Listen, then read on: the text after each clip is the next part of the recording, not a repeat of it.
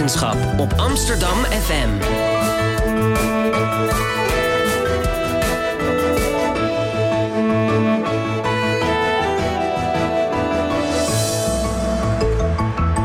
Radio Swammerdam. En welkom bij een nieuwe aflevering van Radio Swammerdam, het wetenschapsprogramma van Amsterdam FM. Zoals altijd live vanuit de vierde verdieping van de OBA in Amsterdam. Mijn naam is Henk Kruijg van der Werven. En vandaag gaan we het hebben over een ziekte die veel voorkomend is. Een ziekte die volgens het ministerie van Volksgezondheid reden nummer 1 is voor ziekteverzuim. Het is depressie. Een paar weken geleden op Blue Monday was in Theater Amsterdam het tweede depressiegala.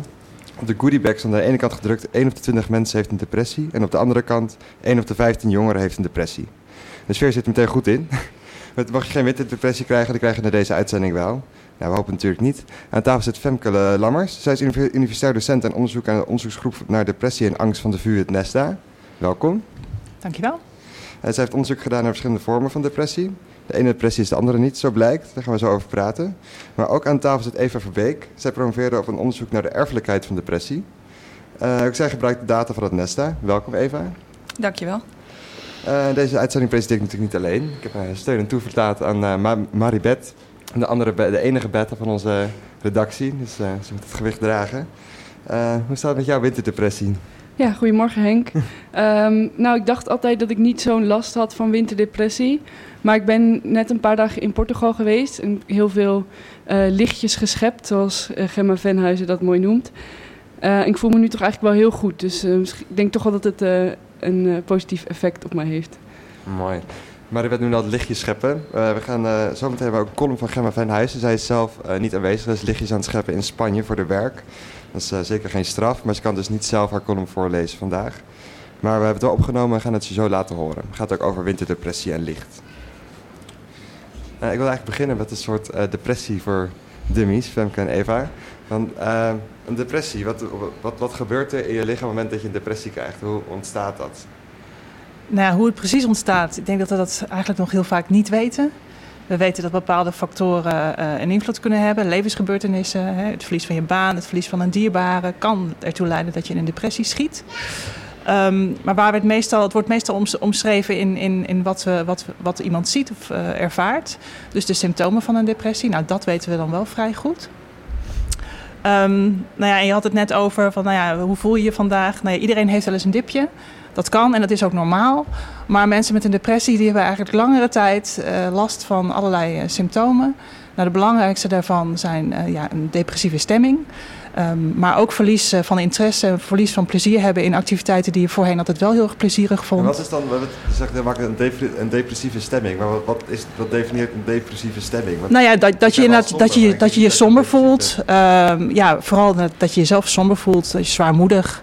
Um, maar waar zeg maar, een, een, iedereen heeft wel eens een depressieve stemming, maar een depressieve stoornis is dat je het echt langere tijd hebt.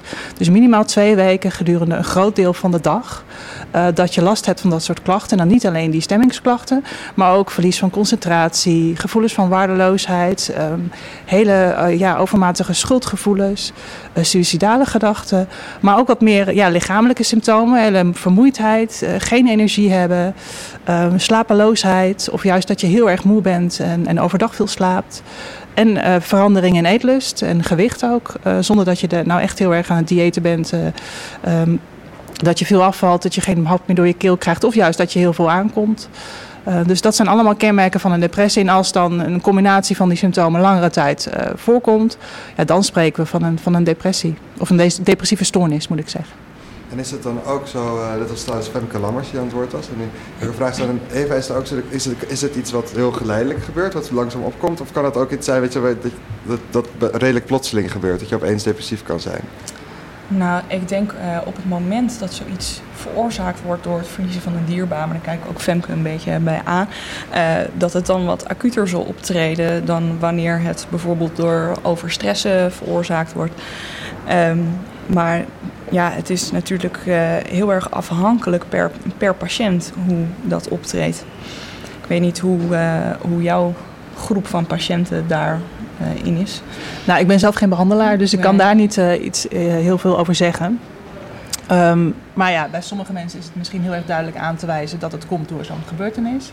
En juist bij anderen dat er niet eens, dat er gewoon geen aan, aan, duid, ja, aan te duiden reden voor is of duidelijke oorzaak. En dan kan het inderdaad misschien door biologische ontregelingen zijn. Nou, door een, dat je gevoelig bent voor weinig licht. Zoals misschien bij een winterdepressie wel, wel aan de hand is. Dus ja, dat weten we denk ik inderdaad in veel gevallen gewoon nog niet. En kan het ook geleidelijk ontstaan. Uh, je krijgt niet van de een op de andere dag al die symptomen tegelijk. Dat gaat waarschijnlijk, begint het met één dingetje. En krijg je een soort van sneeuwbaleffect waarin je uiteindelijk uh, zeg maar zo'n full-blown uh, stoornis ontwikkelt. En wordt een depressie vaak ook meteen herkend als een depressie of wordt het anders gezien? Ik denk dat het heel vaak niet wordt herkend als depressie. Ook niet door de mensen die het zelf hebben. Die denken, ja goed, het gaat ook even niet zo lekker op mijn werk. Dus dat is allemaal wel logisch. En besef het misschien niet altijd. Um, en het is natuurlijk ook heel normaal om het uh, te bagatelliseren. Want er is altijd wel iemand die het zwaarder heeft. En dan ga je zeggen, ja, ach, ik zit in een dipje en ik voel me niet zo lekker. Maar er is een collega die het zwaarder heeft. Of een kennis die een ernstig ziek familielid heeft. Dus uh, dan schuif je het toch een beetje weg. Dat is dus ook een beetje het taboe op de depressie. Daar wil ik het zo meteen ook nog over gaan hebben. Nadat jullie... Uh, over jullie onderzoek hebben gehad. Want uiteindelijk natuurlijk het jaar van depressie. Edith Schippers van Volksgezondheid heeft ervoor uh, gezorgd dat er dit jaar meer aandacht en meer uh, interesse in uh, depressie is. Vanuit wetenschap en vanuit maatschappelijke factoren. Um, ik wil eigenlijk ook nog even vragen, jullie hebben het over de externe factoren. Eigenlijk ook vaak de psychologische factoren. Maar ook de, wanneer jullie kijken is eigenlijk meer biologisch dan psychologisch. Waar ligt het grote verschil? Hoe, hoe kijken jullie anders dan iemand die psychologie heeft gestudeerd? Um ja, wat, wij, wat wij doen is dat wij heel veel biologische systemen in kaart brengen. Um, uh, om inderdaad maar te kijken van verschillen die systemen nou of de werking van die systemen tussen gezonde personen en, en personen met een depressie. Um, en dat zijn allemaal systemen die wel gelinkt zijn aan bepaalde zaken, zoals bijvoorbeeld nou stress. Dat is een factor die een rol kan spelen uh, bij het ontstaan van depressie. En wij kijken dan bijvoorbeeld naar uh, het stresshormoon, het cortisol.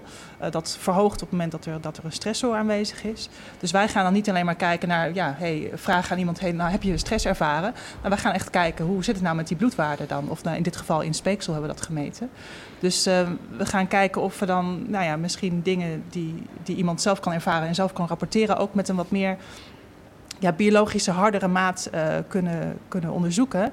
En dat kan um, ja, misschien ook wel het stigma wat, uh, wat verminderen. Als je kan laten zien dat het, het zit niet alleen maar tussen je oren.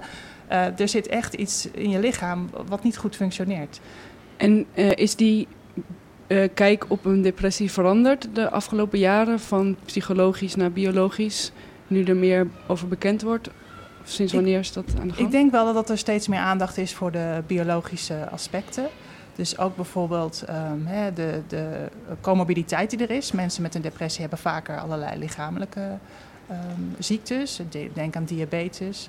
Uh, maar ook overgewicht komt vaker voor en daar is wel steeds meer aandacht voor. Um, want hoe kunnen we nou um, uh, bijvoorbeeld gezonde levensstijl bij mensen met uh, psychiatrische stoornissen um, ook uh, aandacht geven tijdens de behandeling. Dus dat, dat wordt denk ik wel steeds meer dat dat aandacht krijgt binnen de behandeling. Ja. Jullie hebben allebei bij die onderzoeken data gebruikt van het NESTA, een onderzoeksgroep.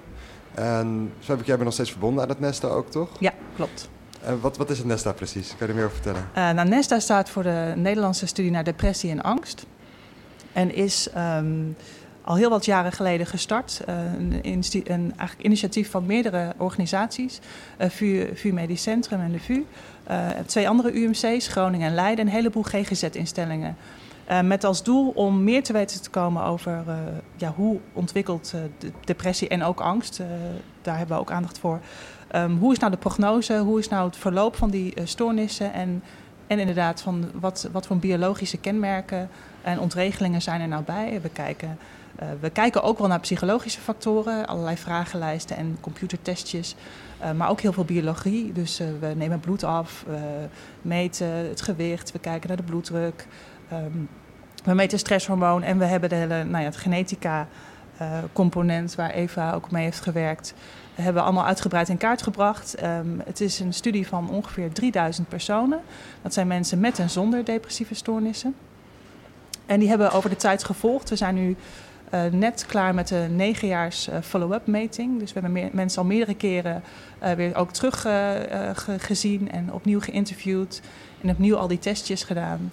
zodat we ook iets kunnen zeggen over het verloop van dat soort stoornissen. Uh, waarmee we ook ja, mensen die last hebben van deze stoornis ook iets beter kunnen informeren van hoe ziet nou mijn toekomstperspectief eruit? Uh, wat is nou de kans uh, dat, ik, dat ik over twee jaar nog steeds depressief ben? En, dus mensen ook iets meer te kunnen zeggen over ja, maar als negen jaar zoveel mensen hebben gevolgd, zowel qua bloeddruk en qua depressie bijvoorbeeld. Er zijn hier echt een gigantische databank ook voor andere onderzoeksgroepen, denk ik. Dat zijn we zeker. Uh, ik moet wel zeggen dat we op dit moment, um, uit, ja, uiteraard vallen er wel mensen af. Uh, ik denk dat we nou ongeveer nog op de, op de 2200 uh, toch zeker wel zitten. En dat is eigenlijk voor zo'n studie is dat heel goed. Want juist voor mensen met een depressieve stemming, waarbij je vaak niet zo gemotiveerd bent en moeilijk, kan het best moeilijk zijn om toch in zo'n studie uh, mee te doen. Maar we hebben een hele gemotiveerde onderzoekspopulatie. En inderdaad, we hebben heel veel uh, data. Dus we hebben ook veel mensen, zowel binnen als buitenland, die, die graag met onze data willen werken. En waarmee we dan ook samenwerkingsverbanden hebben. En zijn het dan niet juist die depressieve mensen die afvallen van die 3000? Wel iets meer, dat klopt. Uh, het zijn vaak de, de iets ernstigere uh, depressies uh, zeg maar, die uitvallen. Ook iets vaker uh, mannen en vaker de wat uh, lager opgeleide personen. Uh, maar dat hangt er ook mee samen dat, nou ja, ook in Amsterdam hebben we iets meer uitvallers ten opzichte van Groningen en Leiden. Maar dat heeft er ook mee te maken dat, ja, hoe vaak mensen verhuizen, dat ligt in Amsterdam gewoon iets vaker wat hoger ja. dan in Groningen, waar mensen misschien iets langer blijven, blijven hangen. Maar we, ja, het klopt inderdaad wel. dat we iets meer uitvallers hebben onder de depressie. Maar um, we kunnen nog steeds hele goede uitspraken doen over het beloop ondanks die uitval. En de VU is binnen, dat, binnen, binnen wel bekend om een uh, meer biologische kijk op ja. depressie. En ik vroeg me af, hoe, hoe, hoe, keken mensen tegen depressie aan voordat de uh, Nesta aan stond? Het was rond 2000 volgens mij dat de Nesta aan stond. Uh, nou, vanuit 2000 heeft de overheid gezegd... we willen eigenlijk meer investeren in de onderzoek naar de geestelijke gezondheidszorg. Um, daar is toen een uh, uh, voor opgezet waaruit Nesta is gefinancierd. Dus dat Nesta is volgens mij begonnen in 2003 ongeveer. Ja, hoe men er daarvoor uh, tegenaan keek. Ik denk dat het daarvoor was er al wel wat onderzoek hoor, naar biologie. Uh, maar dat wij het wel heel grootschalig en systematisch hebben gedaan. Door niet alleen maar één aspect van biologie te meten, maar een heleboel aspecten tegelijkertijd. Waardoor je ook ja, kan kijken van is het nou in één systeem ontregeld of in meerdere systemen. Um, dus in die zin ja, heeft het uh, ja, is het al redelijk innovatief geweest door zo breed heel veel dingen te meten. En hoe staat het internationaal met het depressieonderzoek? Was er, wordt, wordt internationaal ook, uh, waren, waren er veel onderzoeken gedaan, internationaal ook? Of is het nu dat een, een Nederland met, met, met een Nesta bij gevaar oplopen? Uh, er, er waren denk ik al wel ook wat internationale grotere, grotere studies. Maar ook weer vaak dan niet gericht op heel zo breed als dat wij meten. Denk dat Nesta wel een van de eerste studies is geweest die zo breed heeft gemeten.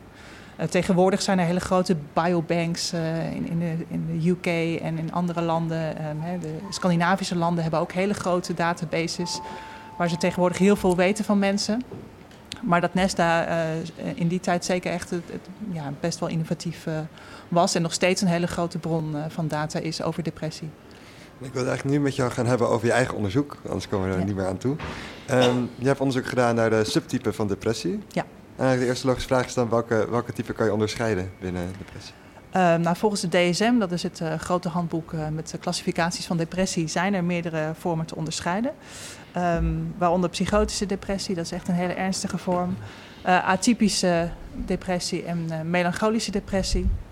En tegenwoordig wordt er ook nog een anxious distress variant uh, onderscheiden.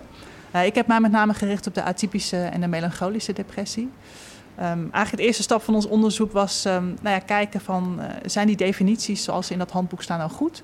Dus we zijn gewoon begonnen met te kijken naar welke symptomen van depressie clusteren. Want al die subtypes die zijn eigenlijk gebaseerd op verschillende ja, kenmerken van symptomen. Nou, dat hebben we onderzocht en dat, nou, dat kwam er inderdaad redelijk uit dat we een melancholische variant hadden en een atypische variant. Kun je iets vertellen over wat dat zijn, atypische ja. en melancholische depressies? Ja, um, de, de melancholische variant is een variant uh, waarbij uh, er vaak um, slapeloosheid is, uh, mensen verminderde eetlust hebben en gewichtsverlies een hele zware ja, stemming, een hele zware depressieve stemming. Met ook uh, dat, dat men uh, niet gedurende de hele dag dezelfde stemming heeft, maar dat het ook nog een beetje varieert. Um, en de atypische variant is er één waarbij er juist gewichtstoename is en toegenomen eetlust. En waarbij er ook vaak een heel erg ja, vermoeidheidsgevoel is. Ze noemen dat leaden paralysis, alsof je benen en armen van lood zijn. Heel zwaar en heel erg dat, dat, dat vermoeidheidscomponent erin zit. En vervolgens zijn we dan gaan kijken op een heleboel biologische maten. Van zijn, die symptomen, of zijn die groepen verschillend?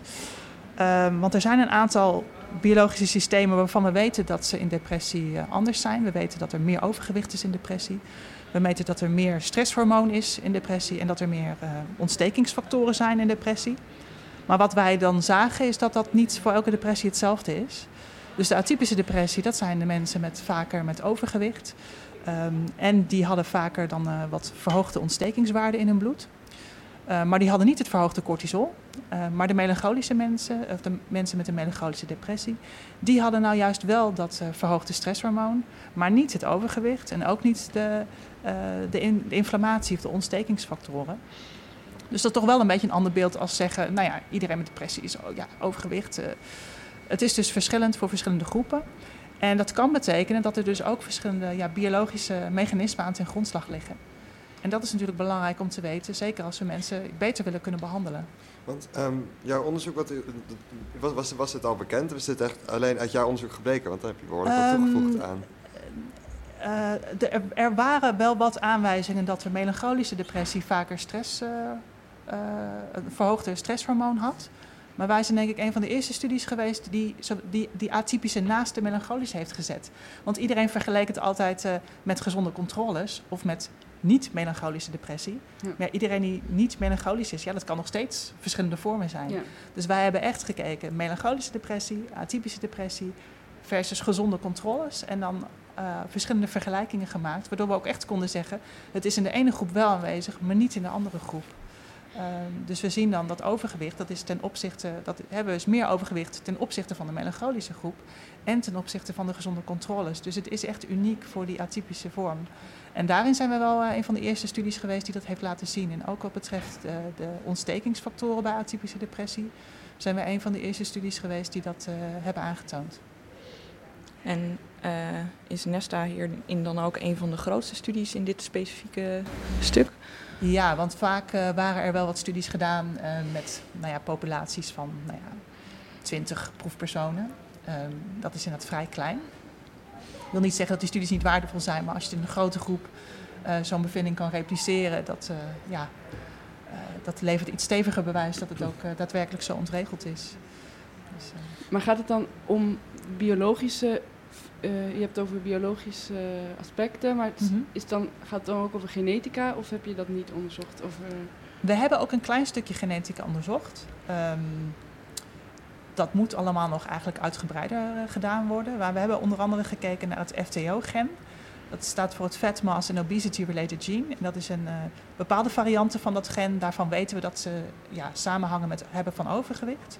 En we hebben gezien dat de atypische depressievorm samenhangt met de, die specifieke variant van dat, uh, van dat gen. En dat dat niet voor de andere typen van depressie geldt. Dus dat laat wel zien dat er ja, misschien een biologische kwetsbaarheid is, die dan ook samenhangt met een biologische kwetsbaarheid voor overgewicht. Ja. Uh, en dat het misschien wel een beetje een, een, een, een syndroom is wat samengaat. Dus, dus obesitas en depressie gaan vaak samen. Um, zou je kunnen zeggen. Voor deze groep mensen met een depressie zou kunnen zijn dat die, dat die, um, dat die obesitas ja, eigenlijk in dat directe verband staat met, met de depressie. Ik wil niet zeggen dat iedereen die overgewicht heeft, uh, dus uh, iets heeft met een atypische depressie. Dat zeker niet. Maar de mensen die depressief zijn, daar is vaak inderdaad ook die ontregeling uh, te zien op BMI. En, en, maar wat is dan zeg maar de oorzaak-gevolgrelatie? dat weet je misschien niet, maar ik bedoel, ik kan me voorstellen dat als je overgewicht hebt, dat je daar ongelukkig van wordt bijvoorbeeld. Ja, we weten uit uh, uh, prospectief onderzoek dat mensen met overgewicht hebben een grotere kans om uh, depressief te worden dan mensen zonder overgewicht. Maar we weten ook dat het de andere kant ook op gaat. Dus mensen met een depressie hebben een grotere kans op een toegenomen gewicht. Um, dus het gaat twee kanten op. dus wat is dan inderdaad de kip of het ei? Welke kwam eerst?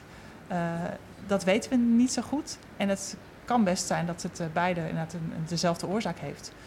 Uh, dus de common cause theory, dus dat beide voortkomen uit hetzelfde, ja, um, ja misschien dezelfde genetica of dezelfde genetische kwetsbaarheid. Dus dat is de één gen die zorgt er zowel voor dat je obese, obese wordt en dat je ook depressief wordt. Dus die pakt je eigenlijk dus, de- dubbel. dus het, is een, het is misschien een gen wat inderdaad op meerdere aspecten een, een negatieve Zo, ja. uitkomst kan betekenen. Zowel voor je een stemming lelijk gen als je dan. Gewicht. Zeg je? Een lelijk gen dan. Ja, voor dat je- is heel vervelend. Ja. Maar goed, eh, misschien dat het met behandeling wel wat te doen eh, En is het dan nu ook zo, dat- is uit je resultaten gebleken dat je nu ook kan zeggen, nou iemand is eh, atypisch, depressief, hij heeft, is obese. En dat je dan een gepersonaliseerd behandelplan kan maken voor zo iemand. Dat hij dan sneller beter wordt. Omdat je dus die verschillende subtypen kan onderscheiden. En ook weet waar dat dan mogelijk aan de grondslag ligt. Dat Eh, ja, nou ja, dat is ehm, wel iets wat, eh, wat we natuurlijk hopen. Ehm, kijk, met onderzoek is het altijd eh, één zwaluw maakt nog geen zomer. We willen dingen gerepliceerd zien in onafhankelijk onderzoek. Maar het zou natuurlijk inderdaad wel heel mooi zijn als je in de toekomst bij een arts komt voor je depressie en hij ziet, oh, je hebt die vorm. Dat we dan inderdaad kunnen zeggen, nou, dan is misschien deze behandeling het, meest geschikt. Maar dat betekent dat je onderzoek nodig hebt naar eh, behandelingen waarbij je dan verschillende subtypes ook vergelijkt. Ehm, en dat is er nog niet zoveel. Ehm, er is wel een studie die laat zien dat eh, running therapy, eh, wat eh, tegenwoordig nog wel eens onderzocht wordt, dat dat beter werkt bij de mensen met een atypische depressie. Dus misschien dat het in de toekomst wel zo zou kunnen zijn dat, eh, dat we iets specifiekere, gerichtere eh, en gepersonaliseerde behandeling zouden kunnen aanbieden. Dat zou, eh, dat is ja, een toekomstdroom. het Ja. mooiste doel zijn. Eh, je had het net ook al over, even over eh, dat het dus niet tussen je oren zit als je het over biologische factoren hebt. Eh, heeft dat ook invloed op patiënten, op hoe zij aankijken tegen hun depressie, als ze weten dat het bijvoorbeeld veroorzaakt wordt door biologische factoren? Dat ze het makkelijker kunnen accepteren bijvoorbeeld? Weet je Ehm, daar niet van? Ja, dat durf ik niet zo goed te zeggen. Ik ben vooral echt aan de onderzoekskant Ja, bezig en niet zozeer aan de praktijkkant. Maar ik denk dat eh, het meer te weten komen over wat er aan ten grondslag ligt en welke ontregelingen er zijn in je lichaam, er wel toe kunnen leiden dat het misschien voor mensen ook makkelijker uit te leggen is aan hun omgeving wat er aan de hand kan zijn. En dat ze kunnen zeggen, nee, het, zit niet, het is niet zoiets tussen mijn oren wat ik uit en aan kan zetten. Het is gewoon een ontregeling in een bepaald systeem.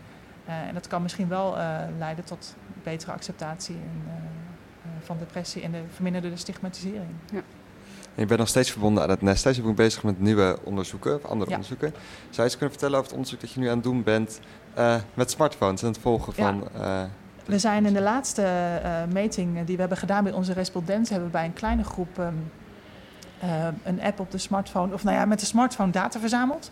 Dus mensen kregen dan twee weken lang, vier keer per dag, een, eh, een sms'je met een link naar een eh, online vragenlijst. En die gingen vragen van wat is nu, nu je stemming op dit moment? Niet eh, wat is het de afgelopen zeven dagen geweest, maar wat is nu je stemming? Het zijn korte vragenlijstjes die misschien twee, drie minuten kosten om in te vullen. En daarnaast eh, kregen mensen een, eh, een horloge om wat hun activiteit registreerde. En daarmee kunnen we kijken naar eh, fysieke activiteiten, maar ook naar slaap. En het doel van het onderzoek is, ehm, we, we weten dat stemming is niet gedurende de hele dag hetzelfde. En het kan veranderen als er iets gebeurt, als er iets leuks gebeurt, als er iets minder leuks gebeurt. En we willen eigenlijk met het onderzoek met die smartphones willen we beter in kaart brengen hoe dat nou allemaal zit, die fluctuaties. En welke eh, dingen nou invloed kunnen hebben. Nou, de ene kan misschien van het roken van een sigaretje heel, eh, eh, meteen heel erg verbetering in zijn stemming krijgen, en de ander misschien niet. Hetzelfde dat iemand mm, ja, sterker reageert op een leuke gebeurtenis dan een ander. En dat we meer eigenlijk te weten komen over die, ja, die kleinere veranderingen die er gedurende een dag zijn. En het ook kunnen koppelen aan bijvoorbeeld fysieke activiteit. Is het nou zo dat als mensen heel actief zijn geweest in het uur ervoor, zijn ze dan inderdaad, eh, ehm, ja, hebben ze dan een betere stemming? Om zo iets meer te weten te komen hoe dat soort systemen aan elkaar gelinkt zijn. en zit daar binnenkort ook al resultaten aan? Dus is Nou, we zijn bijna, bijna, bijna klaar met de dataverzameling. En ehm, dan moet er nog het nodige aan de dataschoning gedaan worden. Maar we hopen inderdaad wel dat we daar snel ook eh, analyses mee kunnen doen. Om dan eh, ja, daar iets over te kunnen zeggen. En laat het vooral weten. Zo Ja, hebben we dan een ja. nieuwe uitzending over e-health. Ja. Eh, ik wil de luisteraars nog even wijzen als jullie het interessant vinden, e-health. We hebben vorig jaar een uitzending gemaakt over big data en de e-health en big data en geestelijke gezondheidszorg. Samen met Helene Rieper, de eerste hoogleraar eh, met e-mental health van de VU. Eh, dus luister deze terug na, de- na deze uitzending. En ik wil dan nu naar de column toe van Gemma Venhuizen. Zoals ik al zei, is zij eh, nu in Spanje aan het werk. Dus eh, goed voor haar. Ze heeft net een boek geschreven, het heet Licht. En het ligt nu in de boekhandel. En het boek gaat over de invloed van licht op je lichaam en geest. Uh, in de geest van dit boek heeft ze ook uh, een column geschreven over winterdepressie. En die gaan we nu instarten. De winterdepressie vond ik altijd wat melodramatisch. En dus deed ik de schommelingen in mijn gemoed die elke winter optraden stevast af als onbeduidend. De huilbuien, de ochtenden dat ik mijn bed niet uit kon komen, de zwartgallige gedachten. Ach, toeval. Tot ik een paar jaar geleden echt in een depressie belandde. Een paar maanden lang wilde ik niets meer, behalve slapen en me uit de wereld terugtrekken. Het voelde als hevig liefdesverdriet, alleen was er op dat moment geen felbegeerde, onbereikbare man in mijn leven, geen gebroken hart. Niemand ontbrak, behalve de zon. Zodra de dagen begonnen te lengen, verdween mijn sombere stemming weer. En toen begreep ik dat je niet koste wat kost op een badlaken hoeft te gaan liggen om een zonaanbidder te zijn. Ja, ik hield van het licht. Maar ik hield ervan zoals je van je partner in een jarenlange relatie houdt, van je beste vrienden of van je ouders, vanzelfsprekend en een beetje achterloos. Je beseft pas echt hoeveel ze voor je betekenen als ze er niet meer zijn. En ik ben niet de enige. De Rijksuniversiteit Groningen becijferde dat de winterdip bij ongeveer 500.000 Nederlanders zulke heftige vormen aanneemt dat sprake is van een depressie. Ze verkeren tenminste twee weken in een neerslachtige stemming en verliezen het plezier in dagelijkse activiteiten. En Nederlanders zijn niet de enige. Over vrijwel het hele noordelijke halfrond hebben mensen in de wintermaanden extra last van lusteloosheid en sombere gevoelens. De dagen duren kort en mensen raken massaal somber gestemd. Het lijkt een logisch verband. Toch is het wat kort door de bocht om te zeggen dat lichttekort echt de oorzaak daarvan is. Of zoals de Groningse bioloog Marijke Gordijn het verwoordt, voldoende licht helpt inderdaad tegen een winterdepressie. Maar ja, paracetamol helpt ook tegen hoofdpijn. En dat betekent nog niet dat je hoofdpijn hebt vanwege een paracetamoltekort. Wat wel meespeelt, in de winter begint het s'avonds vroeger te schemeren en wordt het ochtends later licht.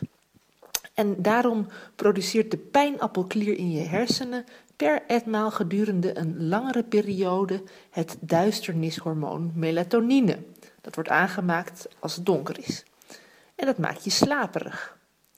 Maar die veranderingen in ons bioritme, maar die verandering in ons bioritme, dat door die lange melatonineproductie ontstaat, sluit niet aan bij ons gewone dagelijkse ritme. En dat verstoorde ritme werkt niet positief op je gemoed. Of zoals de Amerikaanse psychiater L. Louis zegt: er is een mismatch tussen de periode waarin we slapen en de periode waarin ons lichaam zou willen dat we sliepen. Als die timing vertraagd wordt in de winter door de late zonsopkomst, dan raakt je 24-uursritme van slag. Die mismatch wordt groter en bij sommige mensen leidt dat tot een depressie. Louis stond in de jaren 80 aan de wieg van het onderzoek naar winterdepressie, samen met collega-psychiater Norman Rosenthal. De twee zijn ook de bedenkers van de Engelse term Seasonal Affective Disorder Kortweg SAD, SAD. Een heel toepasselijk acroniem voor een stoornis die gekenmerkt wordt door somberheid. Paradoxaal genoeg kun je ook zomers last hebben van een winterdepressie, schrijft Rosenthal in zijn boek Winterblues. In de zomer kun je namelijk een tekort aan licht hebben, bijvoorbeeld als het buiten bloedheet is en je de dagen noodgedwongen binnenshuis in de airco-koelte doorbrengt. Luxaflex naar beneden, gordijnen dicht en voilà. Het recept voor een zomerdepressie. Of nou ja, een zomerse winterdepressie. Ook blijkt uit het onderzoek dat steeds meer kantoren worden voorzien van getinte ruiten. Daardoor kunnen mensen zelfs als ze op een zonnige zomerdag vlak naast een raam zitten te werken, alsnog een lichttekort, lichttekort opbouwen. Naast die zomerse winterdepressie door een gebrek aan licht kan er ook juist sprake zijn van een zomerdepressie bij te veel licht. Zulke zomerdepressies in Nederland zijn schaars, Ongeveer 0,1% van de bevolking kampt naar schatting met dergelijke klachten. Die mensen worden dan juist manisch bij te veel licht. Dan krijgen ze te weinig slaap, hebben minder zin in eten en ervaren een opgejaagd, geprikkeld gevoel. In dat geval krijgen ze soms het advies in een donkere kamer te gaan zitten en met een slaapmasker op te slapen. Gelukkig kun je bij een winterdepressie ook maatregelen nemen. Zo is er in Groningen een polykliniek winterdepressie, waar mensen gedurende een paar weken elke ochtend drie kwartier lichttherapie krijgen, door achter een speciale extra felle lamp te gaan zitten. Ook op andere plekken in Nederland kun je zulke lichttherapie volgen. Het felle licht in de ochtend zorgt ervoor dat je melatonineproductie stopt en pas 's avonds met de schemering weer op gang komt. Het licht werkt dus als een soort schakelaar. Je lichaam weet daardoor dat het dag is. Maar zelfs op een bewolkte dag vang je buiten nog meer licht dan binnen achter zo'n daglichtlamp. En dus is het allerbeste advies toch gewoon naar buiten gaan. Een lichtje scheppen. Nou, welkom terug bij Radio Zwammerdam. Gracias Gemma. Je hoort het, ondanks heftige bewolking krijg je buiten veel meer zonlicht binnen dan achter je raam in je warme huis. Dus na deze uitzending moet je of de uitzending gaan luisteren over e-health en big data en gezondheidszorg, of even naar buiten. Nou, ik zit hier nog steeds aan tafel met Femke Lammers, uh, Lamers en Eva uh, Verbeek, die beide onderzoek doen naar de depressie. Um, dan kan, even, kan een winterdepressie echt als een depressie worden gezien, of is dat meer een naam die we het hebben gegeven? Of is het Eva? Ja. Uh, nou, ik heb daar zelf uh, niet echt onderzoek naar gedaan. Maar uh, ik denk dat het beestje zijn naam heeft gekregen door inderdaad het moment waarop het optreedt. En ik, weet niet, ik denk dat Femke meer weet van een seasonal affective disorder. Ja, het is, het is eigenlijk bij uitstek een, een type depressie waarvan we vermoeden dat de biologische ontregeling een hele grote rol speelt. Het, het licht donker, dat, het heeft effect op je waak- en slaapritme en dat kan van alles ontregelen. En ja, daar staat het inderdaad wel onbekend dat dat juist daar het probleem is. En inderdaad, de lichttherapie uh, uh, ja, dan uh, effectief kan zijn. Maar het is zeker, de, de, mensen voldoen zeker aan alle criteria van een depressie. Dus ja, het is hartstikke een depressie. Dat is eigenlijk, dat is eigenlijk van de depressie eigenlijk de meest behandel, best behandelbare dan die waar ze meest, meest van weten. Dat ze weten hoe je, hoe je gericht dat moet nou ja, wat, wat in de column ook wel duidelijk werd, dat sommige mensen hebben in de zomer ook last van een winterdepressie. Dus of je het nou echt altijd heel goed kan herkennen, dat is een tweede. Um, maar ja, voor sommige mensen kan die lichttherapie uh, nog wel eens wat helpen. Ja, ja en um, ja, ik heb wel la hoorde laatst van iemand dat je ook vitamine D in pillen kan krijgen tegenwoordig. Maar dat is dus waarschijnlijk niet. Ik, toen hadden we het erover van zou dan niet iedereen gewoon in de winter een vitamine D moeten slikken, maar het is niet nou, het heeft niet alleen eh, met vitamine D te maken. Dus vitamine D met licht en donker ja, en je ritme. Nou, vitamine D heeft inderdaad, wordt aangemaakt onder invloed van, van de zonlicht. En ja. daarom is het belangrijk. Maar licht zelf, het, het, valt op je retina en het heeft allerlei invloed op allerlei genen die het waak- en slaapritme reguleren. Dus gewoon alleen het licht aan zich um, heeft ook een hele belangrijke rol in je, in, in je homeostase en in het uh, uh, gaande houden van je, van je lichaam. Ja, en dus het is kan meer het dan dus de vitamine te veel D. zijn, zoals Gemma in Ja, de column. ja. ja. Nou, mooi. We wensen Gemma veel plezier in Spanje nog. We gaan nu uh, verder praten met uh, Eva Verbeek over de erfelijkheid van uh, depressie. voor we echt gaan praten wilde ik een fragmentje laten horen van de kennis van nu. Waarin ze praten over, waarin Australische wetenschappers een relatie denken te hebben ontdekt tussen genen en depressie. Nou, ze hebben gevonden dat mensen die een bepaalde variant van een gen hebben... en die als kind slachtoffer worden van uh, mishandeling... Uh, dat die de zwaarste en heftigste depressies ontwikkelen. Maar dat mensen met precies datzelfde gen... die geen traumatische ervaringen meemaken... Um, dat die juist het gelukkigst zijn van iedereen. Bij één en hetzelfde gen? Ja. En wat is dat dan voor gen? Wat... Uh, dat is uh, een gen, dat wordt ook wel depressiegen genoemd.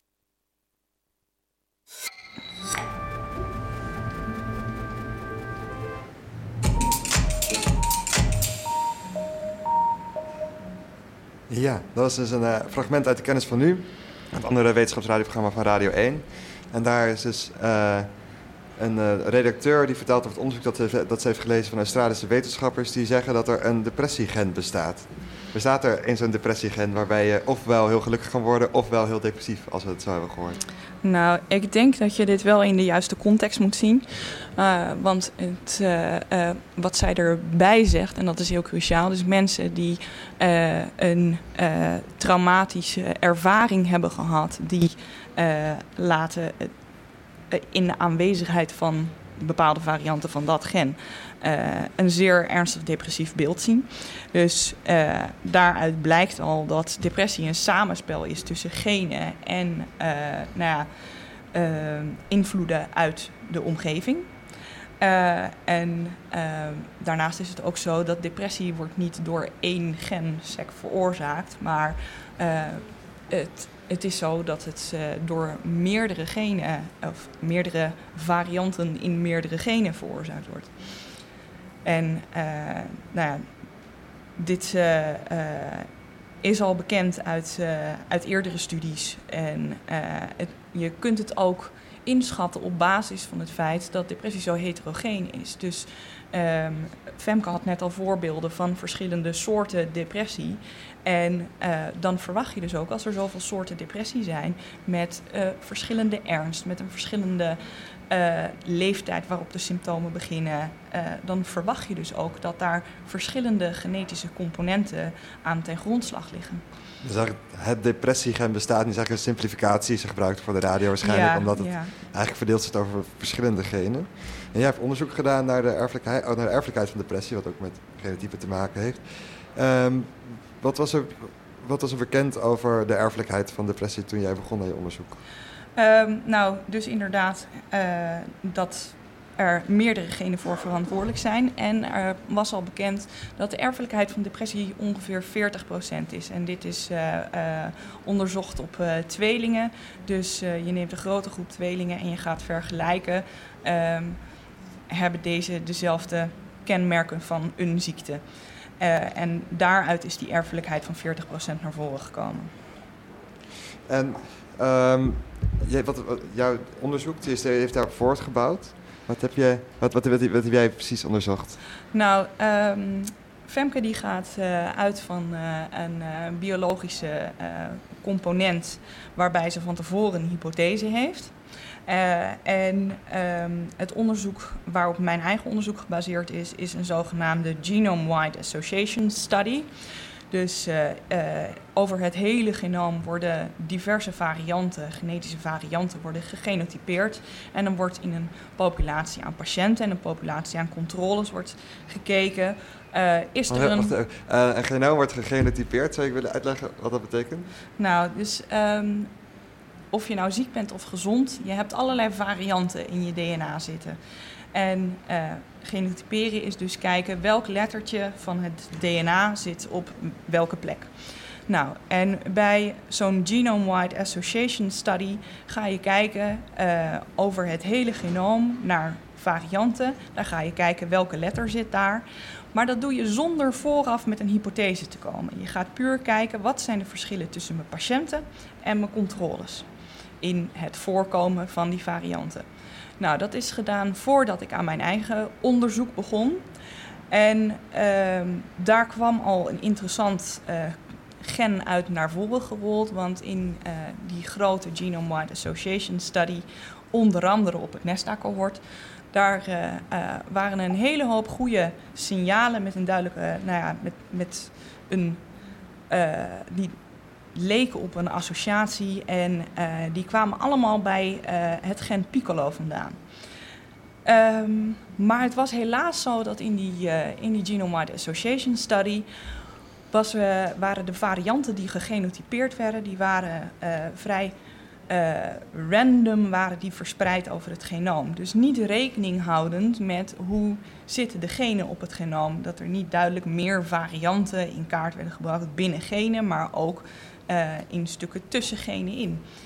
En daarom kun je zeggen van nou, misschien zijn niet al die genen goed gedekt. Dus hoe uh, is het nou, zijn die varianten nou geassocieerd met de ziekte als je die genen wel ontzettend uh, goed in kaart gaat brengen en elke variant gaat bekijken. Je, ver, ver, vergeleek het net met um, dat, dat de vorige onderzoekers met een hagelschot, met een hagelschot hebben ja. geschoten. En dat jij nu eigenlijk heel precies gaat... Ik ga met een richten. sniper rifle Ja. aan de gang. Dat is meer, eh, ja. En je onderzoek heet ook Connecting the Dots. Kun je uitleggen waarom je die tit- titel hebt gekozen? Nou, dat is, dat is de subtitel. Eh, de titel is eh, eh, Fine Mapping Candidate Genes for Major Depressive Disorder. Dus dingen die al in kaart zijn gebracht, ben ik verder in kaart gaan brengen om eh, meer te kunnen zeggen over deze erfelijkheid. En Connecting the Dots, dat komt eigenlijk van die eh, nou ja, kindertekeningen waarbij er enkele stipjes zijn met nummertjes en waarbij je dan uiteindelijk, als je met een potlood die gaat verbinden, iets ziet. En dat is wat wij hier met ons eh, genetica-project hebben gedaan. Je had maar een paar stipjes en als je die ging verbinden kwam er eigenlijk geen duidelijke tekening uit. En wij hebben zelf door extra genotyperen, hebben wij eh, meer stipjes gecreëerd, zodat de tekening wat fijner is en zodat Ja. je beter kunt zien wat eh, het voorstelt. Het fine mapping, wat je ook vaak noemt. Juist, in, juist. Ja, en het piccolo-gen is blijkbaar heel belangrijk bij depressie. Blijkt eruit. Wat, maar wat is het piccolo-gen? Waarom heet het piccolo? Is het een liftboy of wat is er, waar, waar heeft hij naam gekregen? Nou, eh, hij eh, eh, behoort tot een familie van genen waarbij ze allemaal namen van fluiten hebben gehad. Dus er zit ook een, een hobo tussen en een trombone. En die komen allemaal voor in, in hersencellen en die hebben daar een rol in het nou ja, verplaatsen van vesicles, een soort belletjes met daarin eh, nou ja, neurotransmitters en andere belangrijke signaalstoffen. Dat is hun rol en daarom leek het een interessante kandidaat om een rol te spelen in depressie. Het is eigenlijk een heel muzikale bioloog die dat ontdekt heeft uiteindelijk. Heeft verder niet zoveel met elkaar te maken. dat is duidelijk. En, en, de- piccolo-gen heeft dus, legt uit van nou, dat is dus een eh, gen eh, waarbij de neurotransmitter, belangrijke... Ik raakte mijn microfoon aan. Eh, wat, maar wat, is, wat maakt die zo... Is het ook gebleken dat die cruciaal is op de manier zoals je net vertelde? Ik ben, Nou, ehm, het eh, is zo dat Piccolo was op dat moment het beste wat we hadden. En inmiddels, eh, eh, ja, het, het was toen de tijd, hij was bijna, bijna significant. En dan kun je zeggen, ja, bijna raken ze ook mis. Maar het was het beste wat we hadden en we gingen verder kijken of daar misschien toch iets gaande was. Eh, inmiddels weten we dat we op grotere cohorten moeten werken. Eh, omdat wat er- cohort? Sorry. op een grotere patiënten- en controlepopulatie moeten werken. eh, voor eh, de, eh, de Genome-Wide Association Study, waar Piccolo dan soort van uitkwam. eh, ja, zaten we eh, rond de 3000 personen. En eigenlijk wil je nog veel groter gaan werken. Er zijn nu studies verschenen eh, met minimaal 15.000 mensen en zelfs een studie met 70.000 mensen. Eh, want eh, we denken dat we de individuele effecten van eh, nou, genetische varianten, dat we die in eerste instantie overschat hebben. En dat die eigenlijk veel kleiner zijn. Dus je kunt je voorstellen dat je veel meer patiënten en controles nodig hebt om echt een, een gen met een effect aan te kunnen tonen. En dat piccolo-gen, moet ik dat dan zien als... sommige mensen hebben het wel en sommige mensen hebben het niet? Of het is, heeft een andere vorm? Nee, het, eh, ja, nou, daar raak je inderdaad wat meer aan eh, eh, hoe het eh, zit. Dus het piccolo-gen, dat, dat hebben we wel allemaal. Alleen er is een specifieke variant binnen dat gen. En eh, die komt eh, eh, vaker voor onder depressieve patiënten dan onder controles.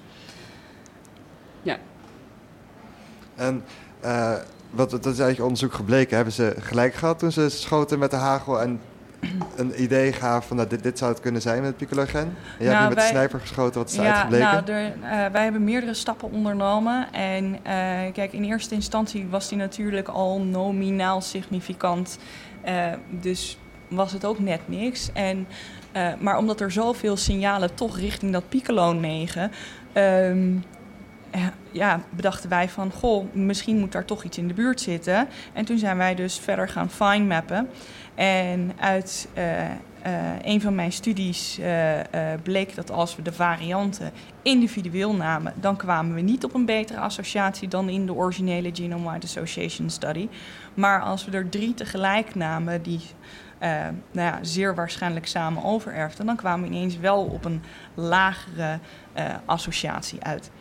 Dus toen bedachten we van, goh, misschien zit daar nog een variant tussen die nog niet eerder in kaart is gebracht, nog een onbekende genetische variant. Toen zijn we uh, gaan sequencen. Dat is uh, een ingewikkelde term voor letter voor letter het DNA in kaart brengen en kijken of er uh, nieuwe varianten te vinden zijn. en toen we dat hadden gedaan, toen hadden we inderdaad veel nieuwe varianten in het picologen en nog in een aantal andere geen. Maar er was er nog steeds geen die een betere associatie opleverde. Dus wij vonden eigenlijk aanvullend bewijs voor de hypothese dat de eerder gevonden variant in Piccolo een causale variant is voor dit specifieke cohort. Dus je hebt geen onomstotelijk bewijs, je hebt ondersteunend bewijs dat deze variant een rol speelt. En uh, is het nou ook zo, dat nu je dit gevonden uit je onderzoek, is het bij, bij Femco is er duidelijk een bepaald verband van, nou, dan zou je eventueel als dit onderzoek verder gaat, dan heb je, kan je in de behandeling uh, uiteindelijk gerichter mensen helpen als ze een bepaald subtype hebben van depressie en je weet hoe dat samen zit. Is het bij jouw onderzoek ook uiteindelijk, wat, wat zou uiteindelijk het effect kunnen zijn op Nou, wij hebben hierin hebben we niet uh, heel specifieke uh, subtypes van depressie, ja, hebben geen onderscheid in gemaakt. Dus wat dat betreft denk ik niet dat dat uh, uh, Femke heel erg uh, ondersteunt. Ik heb één pilot study gedaan die wel raakt aan Femke door onderzoek. Wij hebben namelijk gekeken naar de genetica van drie pathways. onder andere vitamine D-metabolisme. We hebben gekeken naar de, ja, de HPA-as. Dat is een biologische as die dan uh, cortisol, dus stresshormoon, als eindpunt heeft.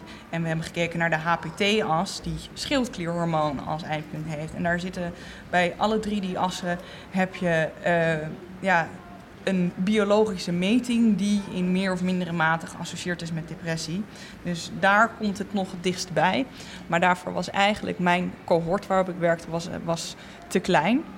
En voor, nou ja, personalized medicine, dus inderdaad voor het individu de behandeling verbeteren, uh, heb ik een um, studie gedaan um, naar uh, nou ja, genetische varianten die mogelijk kunnen zorgen voor minder bijwerkingen bij medicatiegebruik.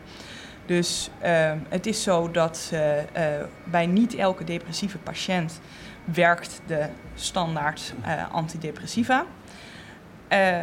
En uh, dan is het ook nog eens zo bij de mensen waarbij het wel werkt, uh, dat er veel bijwerkingen zijn. En dat ontmoedigt natuurlijk om die medicijnen te gebruiken. Dus mensen haken af. En wij hebben gekeken naar genetische varianten die mogelijk een rol spelen bij het aantal bijwerkingen. En inderdaad, wij vonden één variant die zorgt voor minder bijwerkingen. Dus dat kan dan weer in de toekomst, en zeker als het gerepliceerd kan worden. Uh, kan dat bijdragen aan uh, specifiekere medicatie voor specifieke patiënten. En we hebben net met Femmeke ook nog even doorgepraat over wat, wat voor onderzoek zij nu doet. Maar jij bent helemaal uit het depressieonderzoek gegaan. Ja, nou, ik had altijd al uh, twee grote liefdes. Ook tijdens mijn uh, Master Biomedical Sciences heb ik een stage cardiogenetica en een stage neurogenetica gedaan. Toen mijn proefschrift uh, in dus meer de, de neurokant. En inmiddels uh, uh, ben ik weer terug bij de oude liefde cardio. Ik werk met veel plezier als uh, data manager bij het hartcentrum, het hart-longcentrum moet ik zeggen, van het OLVG hier in Amsterdam. En ik gebruik wel de vaardigheden die ik heb opgedaan tijdens mijn PhD, dus de data mining, gebruik ik wel nog in mijn huidige baan. En het onderzoek naar depressie is bij jou het voortkomen uit persoonlijke interesse? Dat klopt, ja. Um, dus heel persoonlijk verhaal, maar ik ben er wel erg uh, open over. Uh, ik had op een gegeven moment, toen ik een jaar of twintig was... Um, ja, dat kunnen mensen natuurlijk niet zien, maar ik kom boven de 1,80 meter uit en ik woog nog maar 54 kilo. Ik durfde niet meer te liggen. Ik was met alles bang dat ik ging spugen. En uh, ik wist niet zo goed wat dat was, totdat ik op een gegeven moment uh, bij mijn huisarts belandde. Klaagde over mijn gewicht en over het slechte slapen. En uh, die kwam met dat dat wel eens een depressie zou kunnen zijn. En nou ja, dat was nog voordat ik aan mijn promotieonderzoek begon. Maar ehm, nou ja, toen ehm, toen zat ik op een gegeven moment weer wat beter in mijn vel. En toen dacht ik, ja, hoe kan dat nou eigenlijk? Want ik heb de liefste ouders van de hele wereld. Ze leven allebei nog, ze zijn nog bij elkaar. Ik kreeg altijd een verhaaltje voor het slapen gaan. Ik heb niks aan tics, trauma's, afwijkingen enzovoort... die dit eh, zoiets kunnen verklaren. Dus uh, dan moet er iets anders aan ten grondslag liggen. En um, nou ja, toen ben ik ook een beetje de, de familie verder uh, door gaan kijken. En toen kwam ik eigenlijk tot aan vier generaties terug. kwam ik, nou ja, voor zover te achterhalen, kwam ik dit soort symptomen tegen. En toen dacht ik, nou, van huilen ben ik nog nooit verder gekomen in het leven. Dus laat ik het maar logisch-analytisch aan gaan pakken. En toen ben ik dus inderdaad onderzoek gaan doen naar de genetische kant van depressie.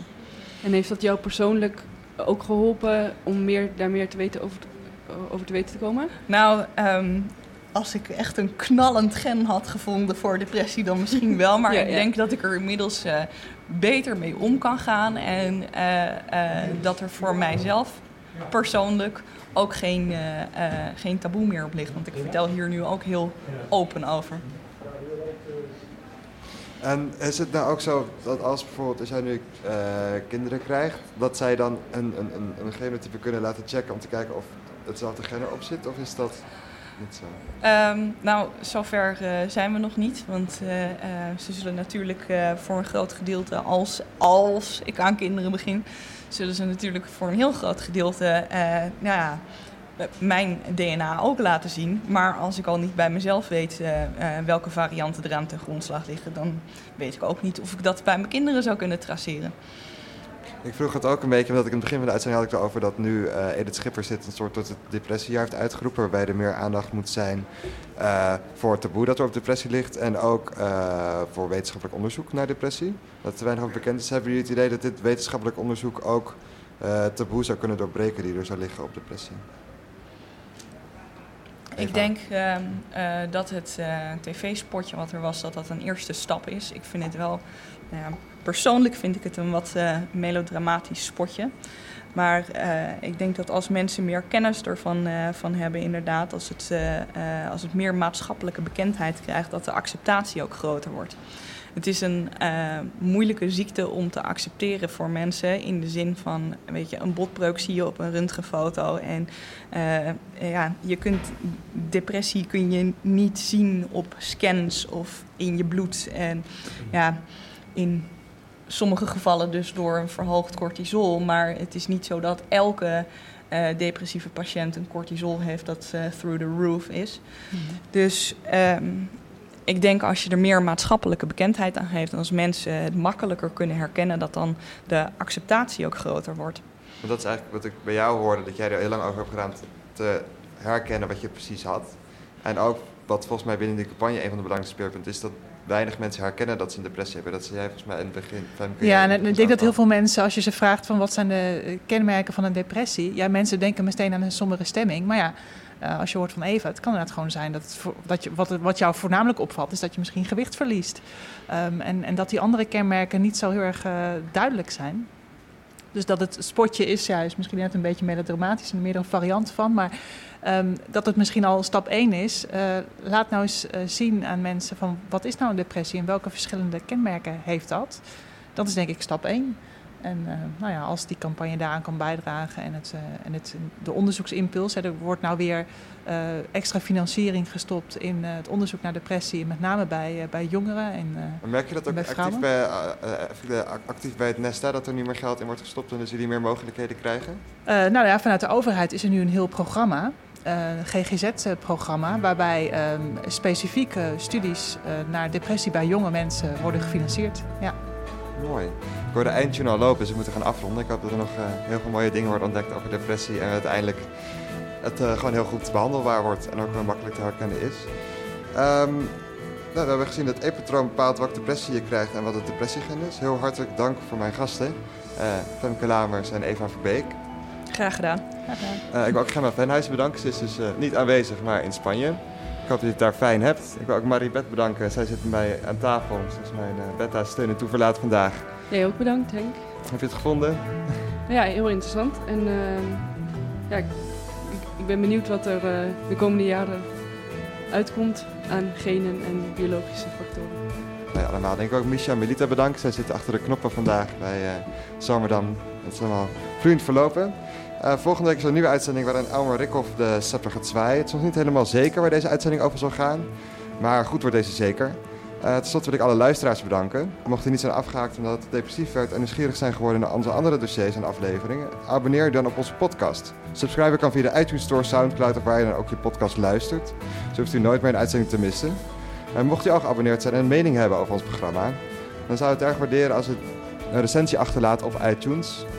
En u kunt ook mailen naar redactie.radiozwammerdam.nl. We hebben ook een vernieuwde website, uh, www.radiozwammerdam.nl. Maar het leukste blijft natuurlijk als je live komt kijken in de studio op zondagochtend. Nu zat de tribune ook weer bijna helemaal vol. Mijn naam was Henk Kruik van der Werven. Dit was Radio Zwammerdam en ik wens u nog een fijne zondagochtend.